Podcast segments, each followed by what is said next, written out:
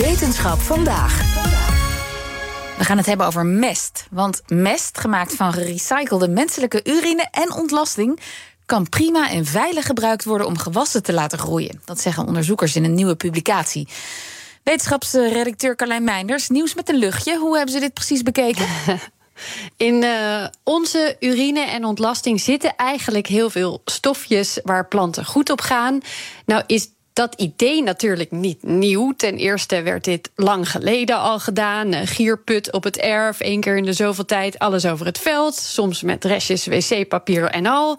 Uh, daarnaast is het gebruik van mest van dieren natuurlijk ook al lange tijd gebruikelijk. Later is daar kunstmest bijgekomen. Heeft allemaal zo zijn nadelen. Dus waar wilden ze naar kijken?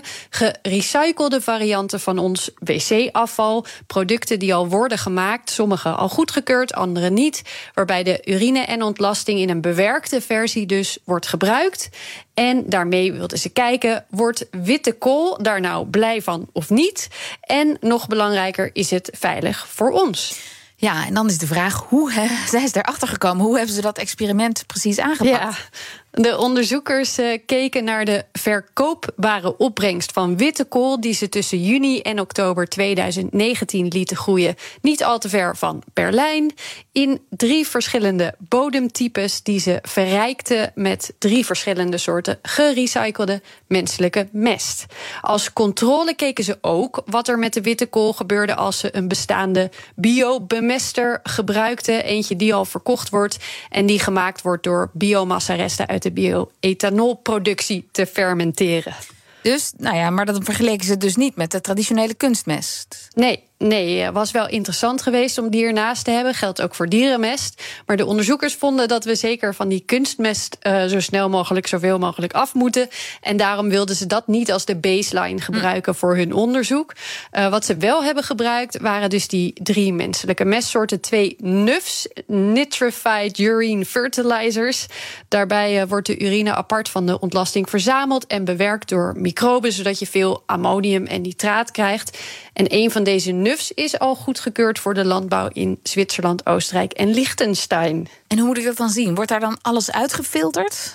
Ja, ja, tijdens het productieproces worden sporen van medicijnen bijvoorbeeld en pathogenen al uit die urine gehaald. Uh, een andere die ze hebben gebruikt, die zit nog in de testfase. Daarom hebben ze daar alleen een versie van gebruikt op basis van steriele synthetische urine.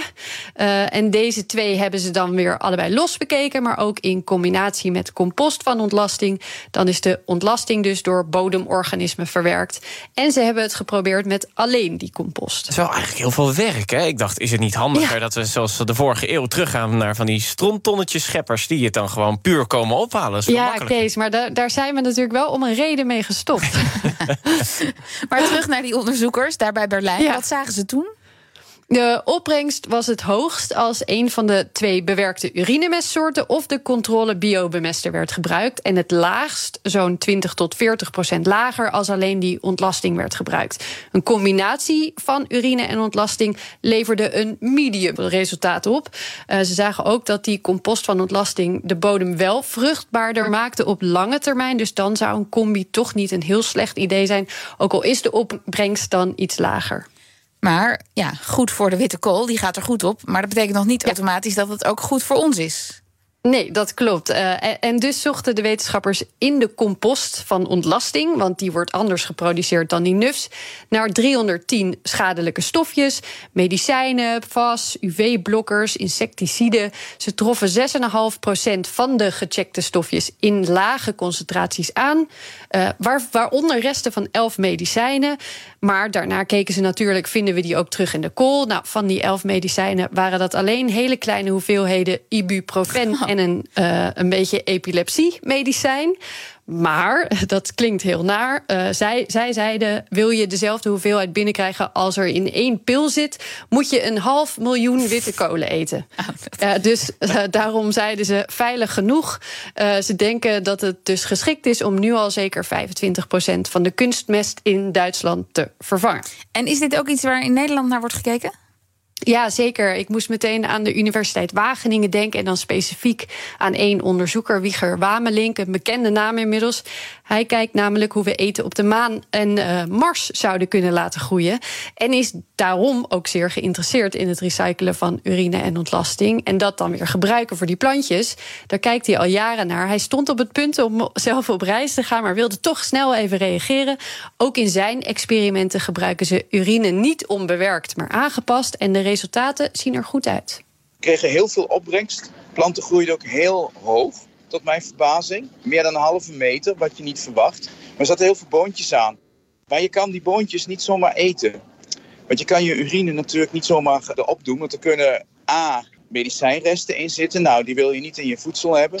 Maar uh, de urine die wij gebruiken, die komt van festivals in Amsterdam. En die worden opgevangen in de Dixie. Je snapt natuurlijk wel, daar zit niet alleen maar urine in. Daar kunnen ook andere dingen in zitten. Nou, en die wil je eigenlijk niet in, uh, in je voedselketen hebben. Dus vandaar dat wij struviet gebruiken. En dat is heel makkelijk te maken. Want je doet wat puur magnesium bij je urine en dan ontstaan er kristallen. En die kristallen, dat is struviet.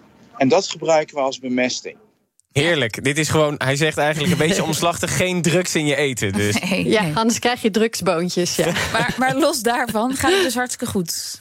Ja, ja, dat eerste experiment was heel positief. Nu kijken ze in welke hoeveelheid is het dan allemaal optimaal. Dat gaat wat stroever allemaal. Daar zijn ze nog heel druk mee. Ze hebben ook geëxperimenteerd met gefermenteerde ontlasting. Die kwam dan weer van wc's van de universiteit. Dus gewoon van collega's en studenten. Bleek ook nog wel best lastig. Maar met wat vertraging zagen ze daar ook goede resultaten mee. Alleen uh, aan goede en veilige poep komen en dat verwerken is best lastig. Dus in nieuwe experimenten gebruiken ze voor het gemak even varkenspoep. Niet dat we straks dus varkens mee naar Mars moeten nemen, maar om even makkelijk door te kunnen met het uh, werk. Ziet er ook allemaal goed uit, maar de les is dus eigenlijk wel onbewerkt. Hoef je niet te proberen. Dat is link. Uh, moet ik ook altijd meteen denken aan mensen die zeggen: het is veilig om urine te drinken. Nou, als het voor plantjes al niet veilig is, zou ik het zeker niet in je mond stoppen. Nee. maar goed. En aan de perfecte samenstelling en hoeveelheid van die gerecyclede menselijke mestsoorten mag ook nog wel even gesleuteld worden. Maar Warmelink is wel, net als de witte koolonderzoekers, van mening dat we het niet meer kunnen zien als afval. Hartstikke zonde. Ja, en misschien kun je dan uh, op de universiteit naar de wc voor studiepunten. ja, als student. Misschien krijgen ze dat al wel, ja. ja ik weet het niet. Dankjewel, Carlijn Meinders. Ook Diana Matroos vind je in de BNR-app. Ja, inderdaad. Je kunt live naar mij luisteren tijdens de Big Five. Ook handig in de BNR-app. Breaking nieuwsmeldingen, maar ook het allerlaatste zakelijke nieuws. En je vindt in de app alle BNR-podcasts, waaronder Wetenschap Vandaag. Download nu de gratis BNR-app en blijf scherp.